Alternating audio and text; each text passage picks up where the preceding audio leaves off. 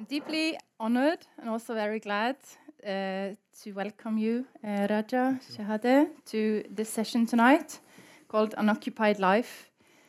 Uh, Raja Shehadeh, he is a Palestinian uh, novelist, lawyer, and political activist. He's living in Ramallah. He is the author of several acclaimed books, including Strangers in the House, Occupation Diaries, Language of War, Language of Peace, and Palestinian Walks, which won the 2008 Orwell Prize for making political writing into an art. And Raja Shehadeh, he is also a pioneering human rights lawyer, and as a scholar, he has written several books on international law and human rights. And he also co founded the Palestinian human rights organization Al Haq, uh, which monitors and documents violations on all sides of the conflict. And tonight, uh, Raja uh, is here to talk about his latest book, Where the Line is Drawn, and this just came out just this year. And I'm now very glad to give the floor to you, Raja. Uh, and he would like to open by reading the first chapter. Thank you very much, and thank you, Therese, and thank you to the House of Literature for this invitation. I will start by reading the first chapter, and I like to do it standing up.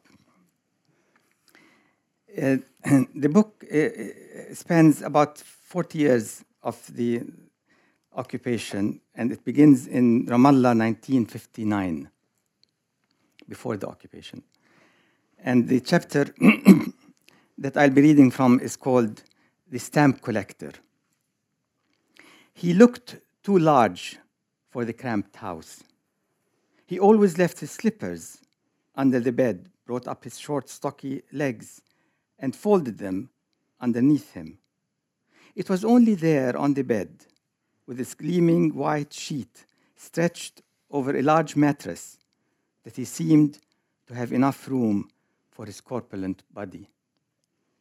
This was the first house my parents and sister came to live in after they were forced out of Jaffa. How crowded it must have been. I am eight years old and sprawled on the bed with my uncle. I occupy only a small space at one corner of the bed. His stamp collection is spread over the mattress. Stamps of all sizes, large and small, squares and rectangles, with different colored serrated edges. Among them, I see one with angular lettering. Looks ancient, pharaonic. I read the small Arabic script, Israel. When I point to it, my uncle puts his stubby finger to his mouth and whispers, Hush. He turns his head to look around him, as if to see whether anyone has overheard us. Silently, I scrutinize the stamp more carefully. I'm curious about the image on it. It's of an extended arm with strong fingers gripping an orange and white flower. What sort of body produces such a grip? I imagine broad shoulders and thick, rippling muscles. Could that unreachable land be peopled by giants? There is writing on the side in Roman script, which I cannot read.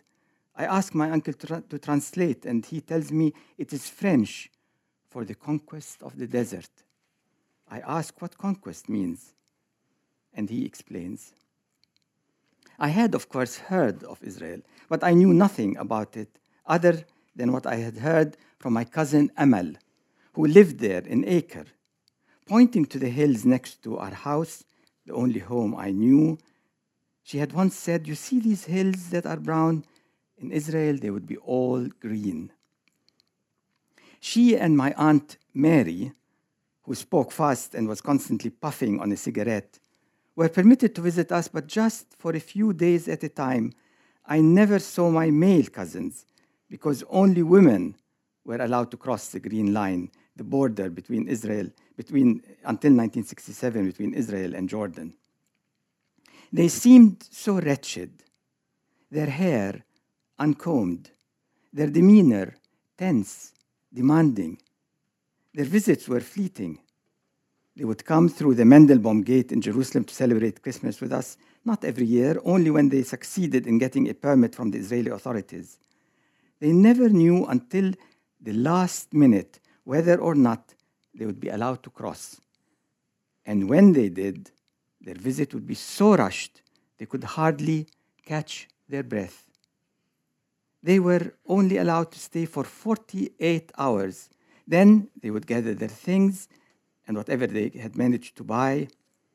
Turkish coffee cups were especially desirable, and they would leave us as quickly as they had come.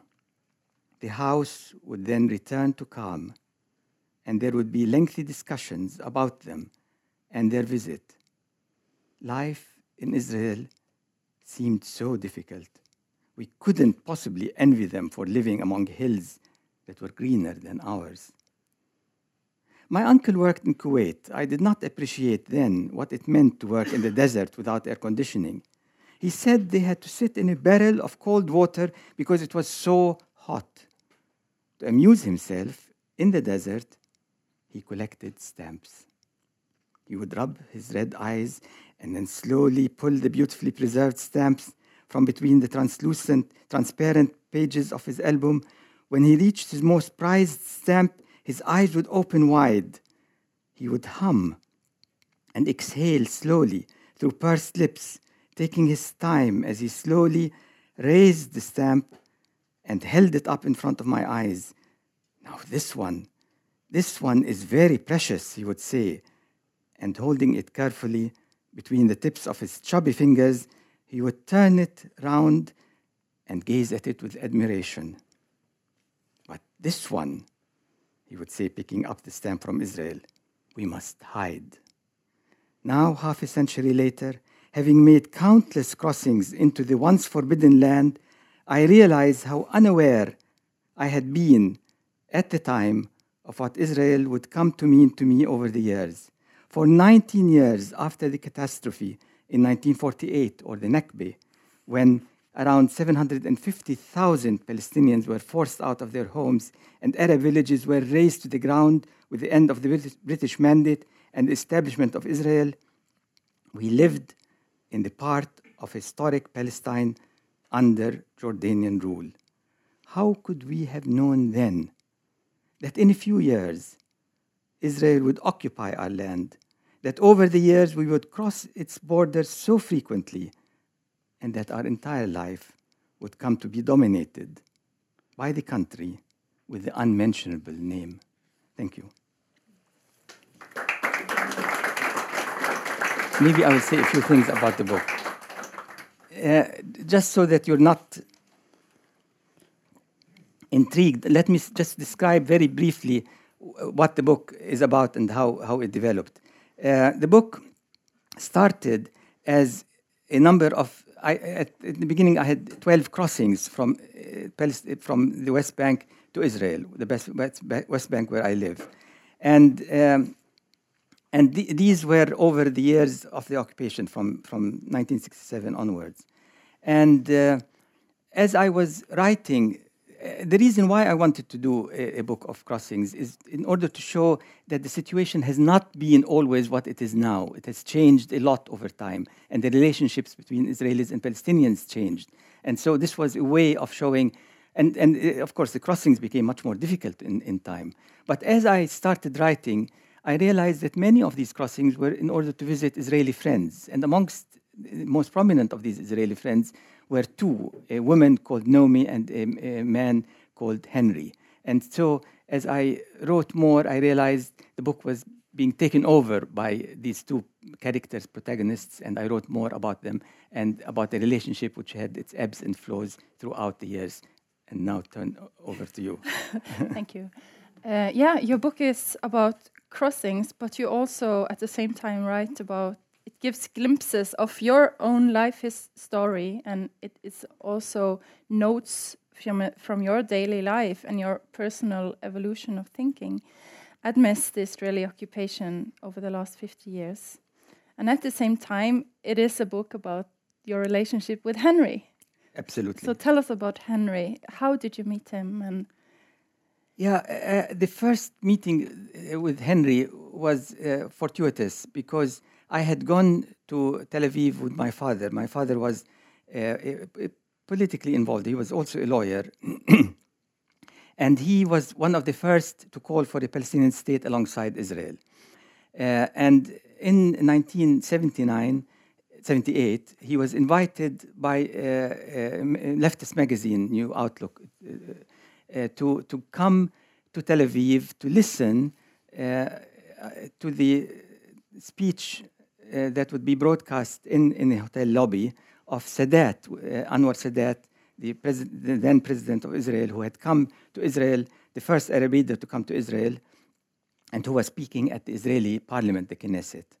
And uh, we sat there and listened to the speech. And my father was very busy with journalists, wanted to know what he thought about the speech and so on. And I was sitting alone. And then uh, the speech, of course, had everything that we had hoped for. It spoke about the end of occupation, spoke about the return of the refugees, it spoke about a real peace with Israel, it spoke about uh, a Palestinian state, everything we wanted to, to, to, to, uh, to happen. And um, so after the speech ended, I saw this young man uh, come to me and sit next to me and wanting to speak. And we started by speaking about the speech, but it wasn't for very long because neither of us were political.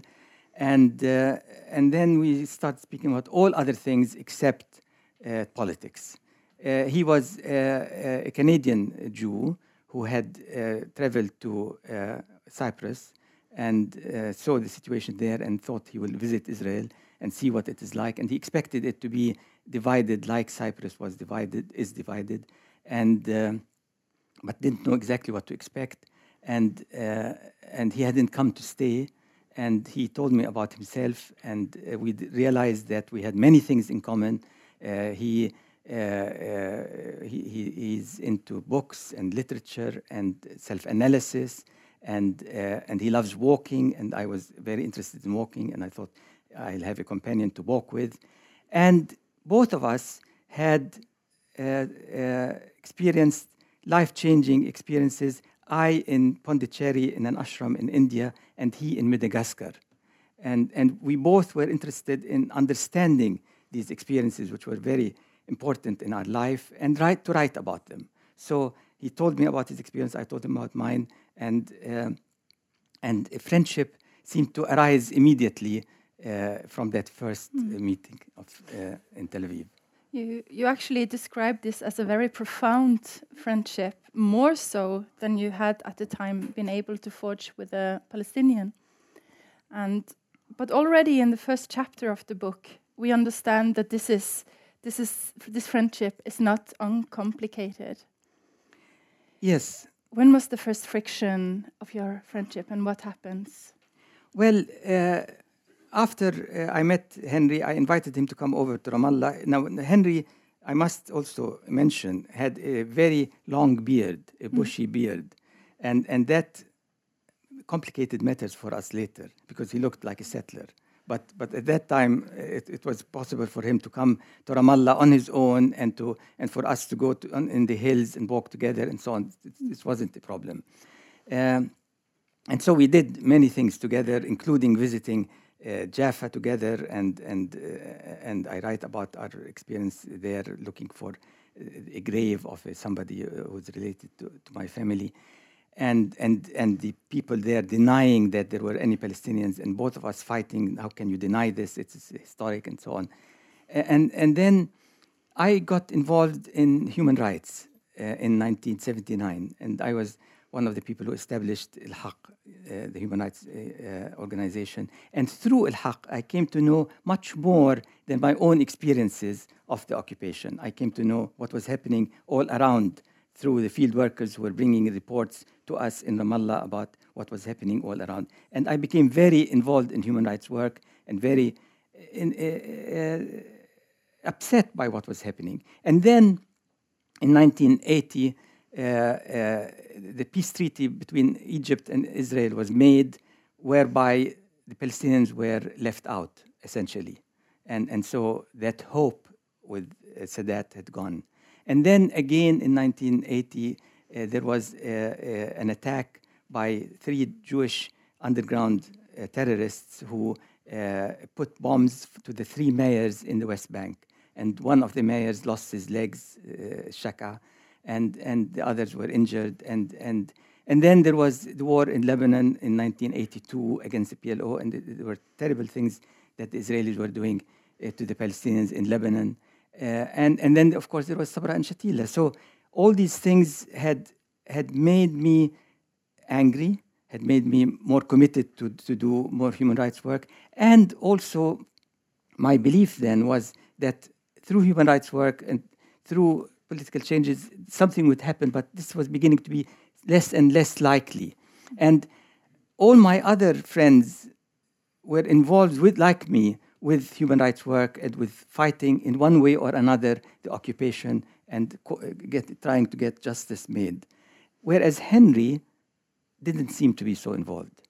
And at the same time, I thought that if he uh, had chosen to come to Israel and stay in Israel, and Israeli government was doing what it was doing, and he was not speaking out, then he is implicated. And so we were in the habit of writing letters to each other. And I was traveling to uh, Britain and went to the Lake District to walk. And I thought my anger against Henry and his lack of involvement would, would be eased by going abroad and, and thinking more about it. But I found myself getting even more angry the more I thought how Henry was being silent about the injustice all around us. And so I thought if I am a friend and a real friend, I must tell him what I'm feeling and, and challenge him. And so I wrote him a very harsh letter saying that I, I do not respect you for being silent and you uh, have disappointed me. And it was a very harsh letter to which he answered. And throughout our, the relationship over the years, we wrote to each other lengthy letters. And, um, and uh, when I was writing the book, I asked Henry if he minded if I use these letters, and he said he didn't. And so many of these letters are in the book. At the same time, just to, I'm going too long on this question of yours, but uh, at the same time, I also met another woman, uh, Israeli, who, unlike Henry, was Israeli born, and her name was Naomi Ilan. And uh, unlike Henry, she was very involved and, and very outspoken about what was happening around her and knew much more eh, than I did and warned me that Sharon was a very evil man and he would do terrible things. And I, I, have an optimistic nature and always expect the best. And she said, You are deluding yourself because it's, it's going to be very bad. And with Sharon in power and so on, it, it, things are going to be. And indeed, Sharon was responsible for the massacre in Sabra and Shatila. Uh, and so there was a contrast between Henry and Naomi. Mm. And, and, uh, and perhaps Naomi felt she could speak out more because she was Israeli born. But I didn't think that Henry, who had chosen to come to Israel, is exonerated from speaking out and, and being involved in the alleviation of justice. Exactly. And after the Intifada breaks out in 1989, you actually stop seeing him for quite a long time. What, uh, why, why, uh, why did you come to this point, and what happened from there? Well, the Intifada was uh, sort of our, at least for us who were living under occupation, our war of independence, and and we put everything behind the struggle, which was absolutely nonviolent, uh, to to to get rid of the occupation. There were strikes, there was, and and the Israelis retaliated in in a in a very nasty way. Eh, there were in two weeks, 1.2 million bullets uh, uh, fired on the Palestinian demonstrators.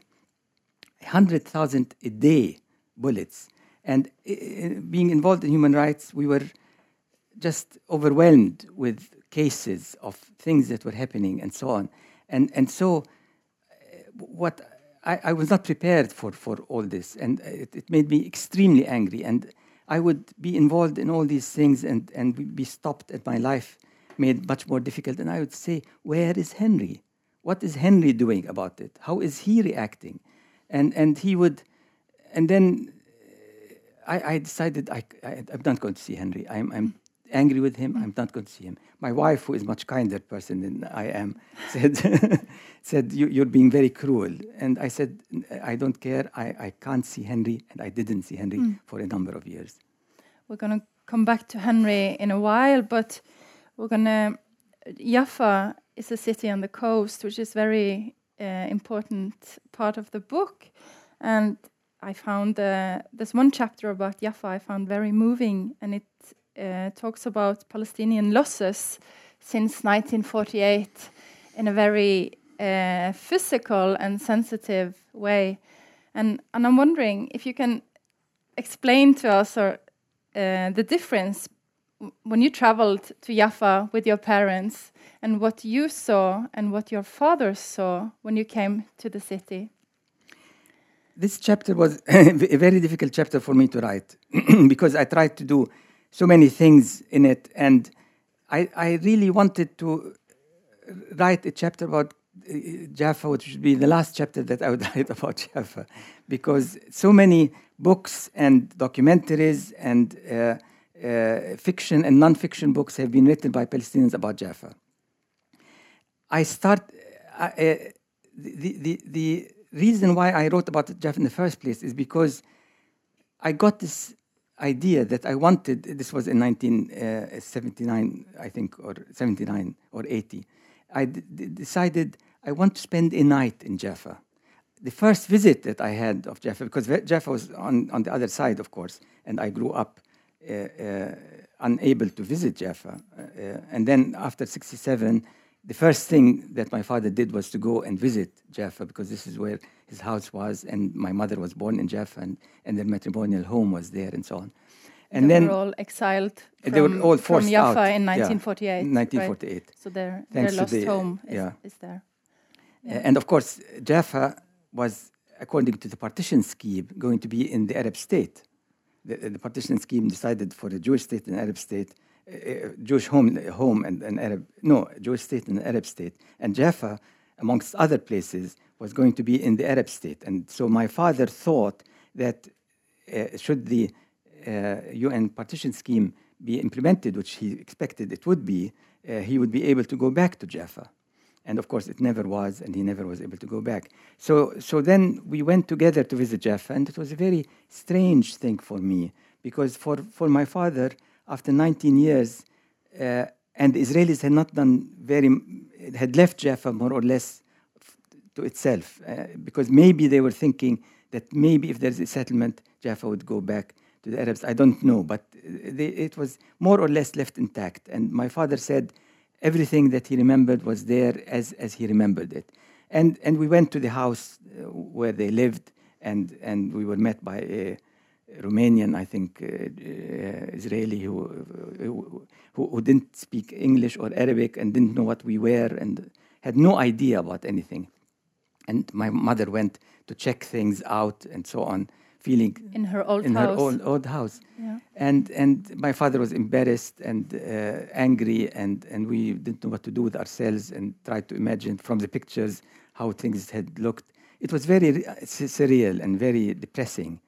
Uh, and that was my first visit to Jaffa. So uh, my, my, next visit, I was going to stay with a colleague uh, who, who was living in Old Jaffa, a Jewish colleague. And, and in the course of the discussion that evening, I heard from his wife, who was an artist, all the arguments that the Israelis are brought up to believe that it's essentially that uh, the blame is on the victims, blame the victims, that the Arabs who uh, are in refugee camps continue to be in refugee camps when they should have been uh, picking themselves up as she did. She was Polish and, and picked herself up and, and lived a new life. And why can't the Palestinians who are in, in, still in refugee camps insisting on a return as if it was equal situation, as if the Palestinians had a state to, to pick themselves up and, and live a normal life in. So this was part of the uh, chapter that I wrote about. And then I wrote about several characters. And one of the characters is somebody who comes back and visits Jaffa after it was possible uh, because of the Oslo Accords. And he had a US passport. And so he comes back and he visits Jaffa. And to him, Jaffa is still the old houses and so on. And he doesn't take into consideration that there are people, there are Arabs who stayed in Jaffa. Out of his 70,000 population, I think 2,000, about 2,000 stayed. And so uh, he, he had no thought about these 2,000 people and their life and how difficult it was and so on. For him, Jaffa was still the very old things, the stones and the buildings and the sea and so on. And so I had heard from him his story about his visit to this old two women who, who, who, whose uh, mother was ill and they stayed in Jaffa. And, and uh, he finds them uh, there. He remembers the house. He knocks at the door, not expecting to find them, but they are still there. And he has a, a uh, talk with them. And they express how difficult their life has been because all the community left, all the Arab community, and they, they were left on their own and they had a terrible time. And, and they all keep, kept wondering whether it would have been better had they left. And of course, he had left. I mean, he was forced to leave, but he had made a life outside and he was coming without any feeling for these people who, who stayed. So I thought that is something that I needed to mm. also write about, to alert people about this. Yeah, this chapter is a lot about losses. Losses. Uh, and when maybe two thirds of the Palestinian population uh, were exiled during the war in, in 1948, um, your family uh, went to Ramallah, Ramallah, or your close family. Mm -hmm. And can you explain also? Now you talked about the losses of those who stayed in in, in Jaffa, but what about the losses of, of, of you, of those who fled? Who became displaced? well, uh, my family had a summer house in, in Ramallah because Jaffa is humid and, and uh, uh, intolerable in, in the summer. And so every summer they went to the summer house to spend a few months and then return to Jaffa. And, and they thought they, they would be spending a few weeks and they didn't take anything with them. And so my father had a thriving uh, law practice in Jaffa. He lost it all. Uh, he had bought uh, properties and he had built himself up in Jaffa. He lost everything. He came to Ramallah and with nothing, with no legal practice, with no books, uh, uh, and and he had to start all over mm. again. Mm. Uh, and uh, they, I grew up uh, in in Ramallah, and it was a very harsh and difficult time. But then, my father was not one the type who would complain. He just carried on and built himself up and and and of course, all around us were destitution because uh, refugee camps and, and, and people who uh, have been expecting, uh, they, they were not expecting that they would be gone for forever. So they didn't take provisions. They didn't have anything to, to live by or live for. And, uh, and of course, never compensated to this day for any of this. And never Israel still doesn't recognize the Nakba and and uh, uh, and incriminates anybody, any organization who commemorates the Nakba. So Israel is still far from recognizing what it has done to the Palestinians. And as far as I'm concerned, without the, the recognition for, of the Nakba and what Israel has done, there cannot be any peace between the 2 mm -hmm. Yeah, you're your book deals a lot with the losses from 1948, but also with the continuation of losses after 1967. Um, and I'm I'm jumping now in time, but if we jump to to Oslo Agreement, uh, you now at that point you renew your friendship with Henry, and and I'm very curious to hear what you what allowed you to reconnect with him and in your book you mention the loss of your sumud. What does this this mean?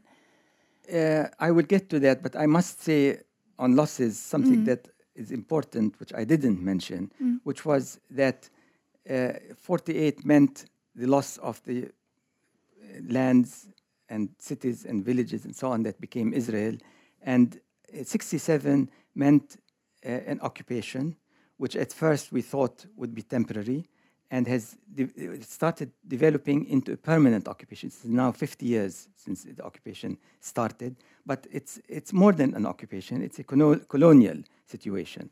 And, and this increases the losses.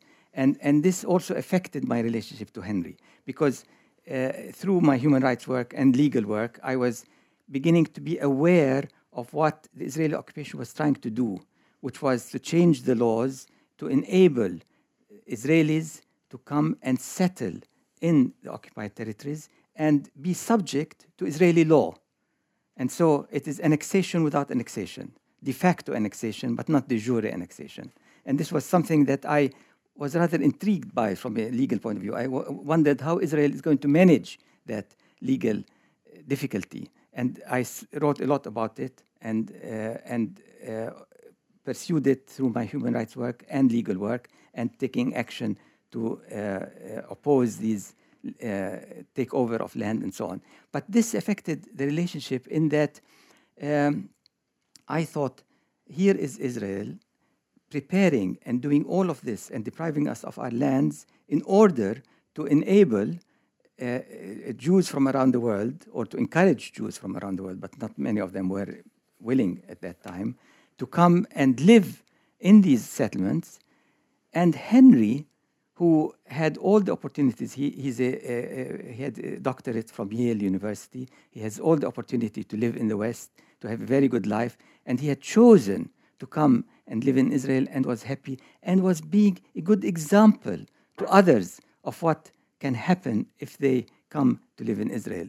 And he wasn't saying, okay, I'm, I want to live in Israel for my own reasons, and he explained them to me and so on. But, uh, but there are these violations which, which you should be aware of, and, and he, he wrote a lot, but he never wrote about this. So, so this was affecting the relationship. Mm -hmm. Now, after the Oslo Accords, uh, the Oslo Accords were a big disappointment to me because uh, they confirmed and consolidated all the changes that Israel had done unilaterally. So, uh, the changes that Israel had done unilaterally through military orders were translated into the Oslo Accords and became like a treaty between Israel and the PLO. Now, uh, it's also because the negotiations did not happen properly and the PLO did not take care to, to, to do it uh, carefully enough. What Israel had been preparing for the Oslo Accords since 1981. In 1981, they created what is called the civil administration, which divided between the Israeli settlers and the Palestinians. And one was subject to one law and another was subject to another law. And in the Oslo Accords, that separation continued. And whereas the, Os the uh, civil administration had been a military uh, run, the Oslo Accords meant that these uh, civilian matters to do with the Palestinians as a people and not with their land were given over to the Palestinian Authority to run. So Israel was relieved of having to run the day to day while it continued to have access and to have the ability to create more settlements and expand existing settlements. So the Oslo Accords came as a great disappointment to me. And whereas before I had been feeling that my life had a purpose, I was uh, struggling for something that, that has hope and that has possibility. The Oslo Accords put an end to this. And I felt completely depressed and, and thought I had waste, not wasted because a struggle is a struggle, but I had spent so many years of my life trying to write and, and expose and do whatever I could. I was uh, almost crazy because I was doing human rights on the side. I was doing my legal practice and I was doing my writing. So it's almost like three full time jobs in order to do everything I could because I saw what, was, uh, what Israel was trying to do. And I thought it was very important to uh, expose this and to warn about it in time to stop it. And here was the Oslo Accords making it all legal, so to speak. And, and so, and, and then, of course, the, the world was trying to distract us by pouring money uh, into the occupied territories, uh, by making conferences all over the place, uh, by trying to normalize the situation when justice was not yet achieved. Mm. And so I felt uh, I had lost a, a, lot, and I then started thinking of my friends on the other side and I thought, you know, I've lost everything for the cause. I don't want to lose also my friends for the cause. And then I started thinking of Henry and wanting to, to see him. And then it happened that I was in uh, the uh, West Jerusalem in a, in a, cin- uh, in a th- uh, cinema theater, and climbing up the stairs was Henry, and uh, and you know Henry is like this uh, character from The Idiot, Dostoevsky's The Idiot, Prince Myshkin, who uh, whom a friend of his says, when I don't see him. I, I want to kill him and I want to, I'm so angry with him and I want to poison him and all of that. And then when I meet him, for a few minutes, all my anger passes away. And it was Yeah. the same with Yeah. Henry. All my anger passed away. And he said, Let us meet. And I said, Yes, let us meet. So he then called and said, I, I want to invite you and Penny to come for tea at my house. And I said, No way. We have to meet together first and talk about the past and why the, the division happened before we normalize hmm. again. The, and, and this is what we did. We, we went together and met and talked. But I couldn't get Henry to talk about it so much. No. Well, he, he, he started It's too sensitive, or No, no, no. he doesn't understand no, it. no, or he actually angered me because he said you had gone too far too quickly. And it was as if I was at fault. so he blamed you. So I, he blamed me, hmm. and, and I tried to explain, but I didn't explain very well. So when I left him, I, I thought more about it, and I thought, oh my God, Henry blames me for, for, for this when, when he, I think he, he was at fault. In any case, we, we then met many more hmm. times and, and talked more. But then I always had this contradiction in my mind because I didn't want Henry to be a political friend. I didn't want us to, to whenever we met, and we couldn't meet very often because Henry, with his beard, couldn't travel to the West Bank because he would be thought of as a settler, and, and uh, it would be dangerous for him. So I had to go to Jerusalem to meet him. And, and I didn't want every meeting to be a discussion on politics, which Henry was not too enlightened about anyway. So I wanted us to talk about the other things that we were interested in. And, uh, and yet, at the same time, I would say, but Henry didn't even ask me how it is in, in the West Bank. He didn't ask me how difficult it was to uh, come over to see him. And, and that would anger me. And so it would go like this, up and down. And then we'd write letters, and then we'd fight, and then we'd make up. So it goes on and on. It was on and on. But Raja, can literature create change? Do you believe in literature? Well, if I didn't believe in literature, I wouldn't have been writing all these books. And, you know, when I was writing this book, uh, uh, Netanyahu was quoted as saying that uh, he believes all Palestinians are like wild beasts. And that is why Israel has to surround itself with uh, a wall and uh, to protect itself from the wild beasts. And so, of course, I read this as I was writing this book and it made me angry. And then I thought to myself, am I going to take the opportunity of writing this book to, to denounce this and to uh, uh, hurl uh, the- the condemnations against Israel and Israelis and so on? No, I'm not going to do that. I'm going to uh, get beyond it and and make the book a hopeful book and one that proves that the Arab and the Jew are not eternal enemies. There are reasons, concrete reasons, why they are in enmity now. Uh, Not psychological reasons, concrete reasons. Once these are concrete political reasons, once these are removed, the Arab and the Jew would be the best of friends, as they were for many, many, many centuries before Zionism. And so uh, I wanted the book to be uh, a hopeful book. And in a way, our, the relationship with Henry, which falters and resumes and so on, the obstacles that stand in the way resemble the obstacles that stand in the way of, of uh, uh, uh, peace between the Palestinians and the Israelis. Although I didn't want to make it a, a symbolic thing, it, it, it just so happened that the, the, tho- those same reasons why I stayed away are the reasons why people also stay away as two nations. Exactly. Hmm. But what can what do you think literature can do that human rights work or academic work cannot do? I think literature can uh, have a much stronger and deeper effect than, than human rights work. And I've written a number of uh, articles and books on human rights, And of course, uh, the readership is very limited. And for example, uh, I wrote a lot about the land issue uh, from a legal point of view. And then I wrote Palestinian Walks. And Palestinian Walks, I had so many people say, now I understand mm. about the land issue. Now I understand what it is.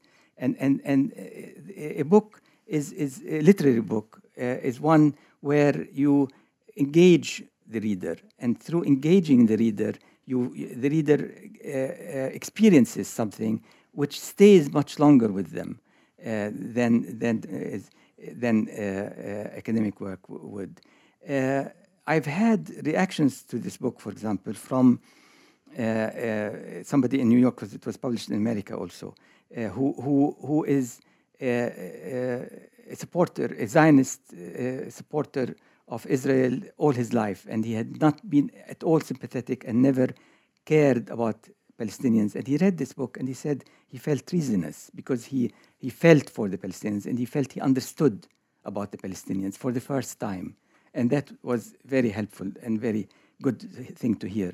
And then, of course, I wrote another book which was on the experience of the uh, uh, siege uh, which uh, when Israel reinvaded mm. the West Bank in 2002, and uh, um, and the book was translated into Hebrew, and then I met someone who was one of the founders of Breaking the Silence, uh, Yehuda Shaul, and he said he read the book in Hebrew and he couldn't stop reading it. He read it throughout the night, and it was one of the reasons why he went ahead to start breaking the silence.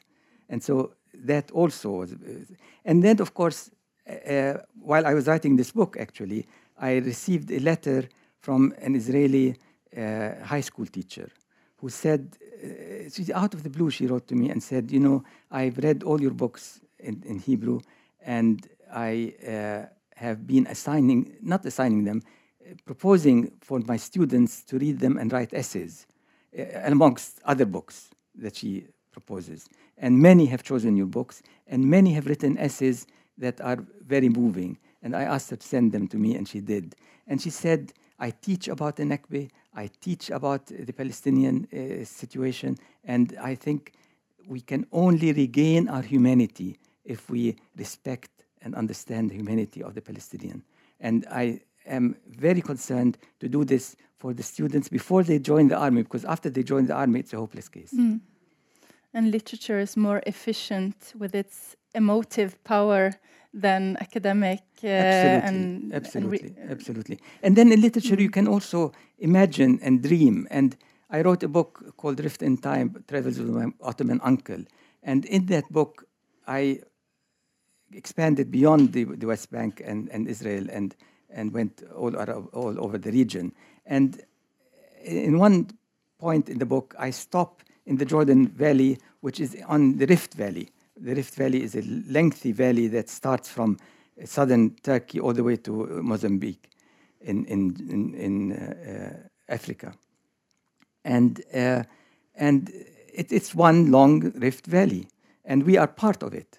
And I stand there looking at the Dead Sea on the one side and towards the uh, Sea of Galilee on the other side.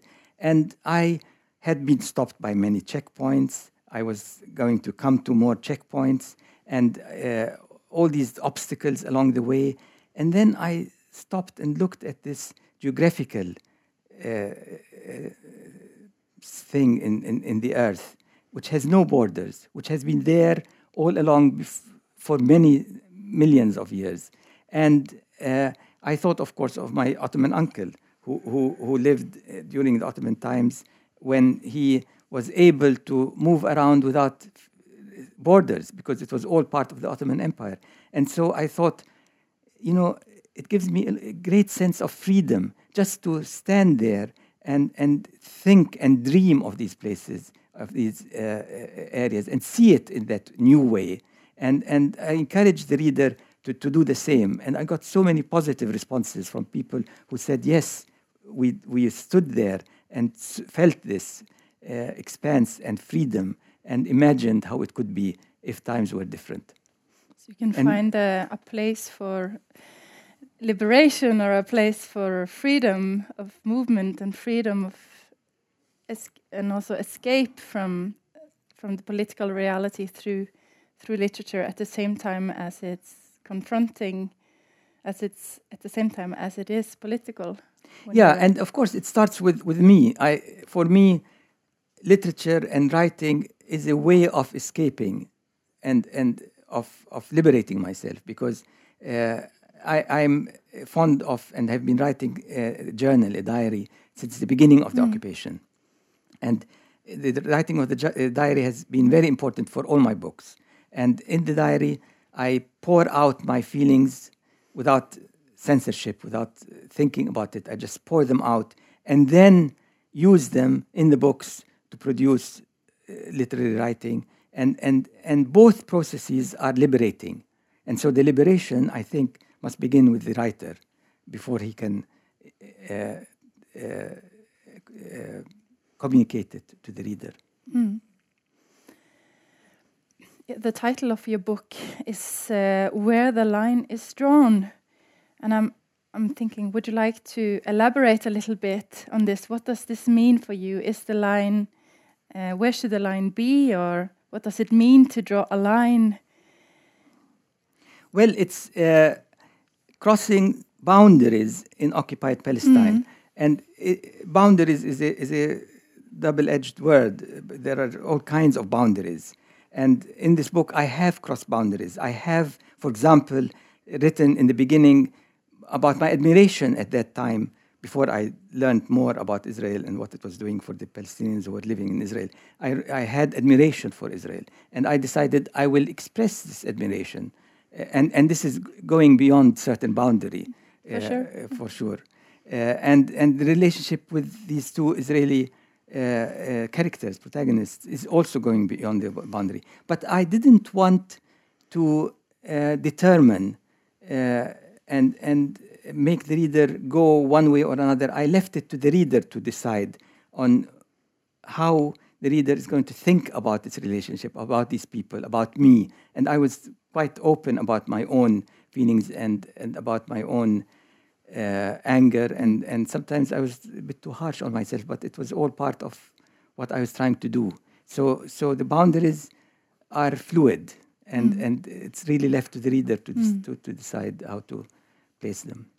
Mm, I saw a very good comment to your book that it's about it's, the book is also about something beyond the friendship, and it's about attempt to stay human under extremely challenging circumstances. And I found that also very interesting.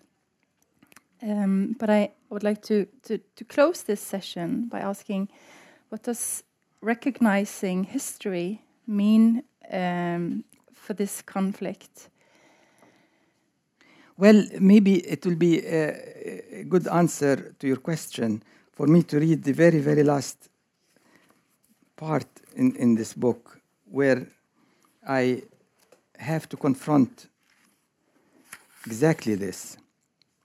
And, and this is from the uh, last crossing, which was a, a lunch in Beit Jala in 2013 and, and I write about Henry, our lives are so intertwined with politics that I have all too often allowed myself to be defined by national affiliations, seeing my friendship with Henry solely through the prism of the nation to which he belongs.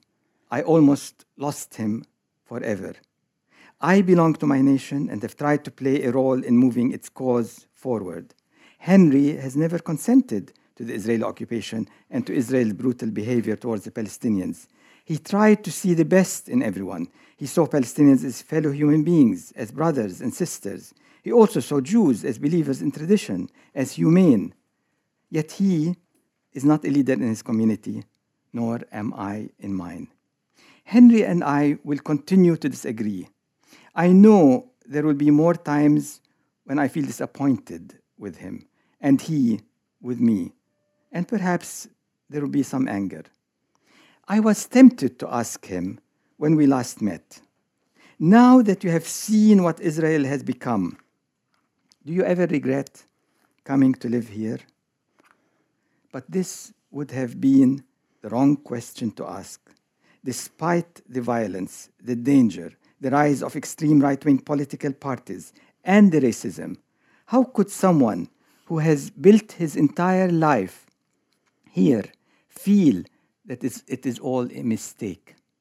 How could he wish that he had never come here, that he had never met his wife, whom he loves dearly, and only met because he came here? We cannot unpick our life or the history of our nation. If I care for my friend, I have to accept his decision and what he has made of his life. Had he not come here, we would not have met, and I would never have had a friend who has enriched my life as Henry has done.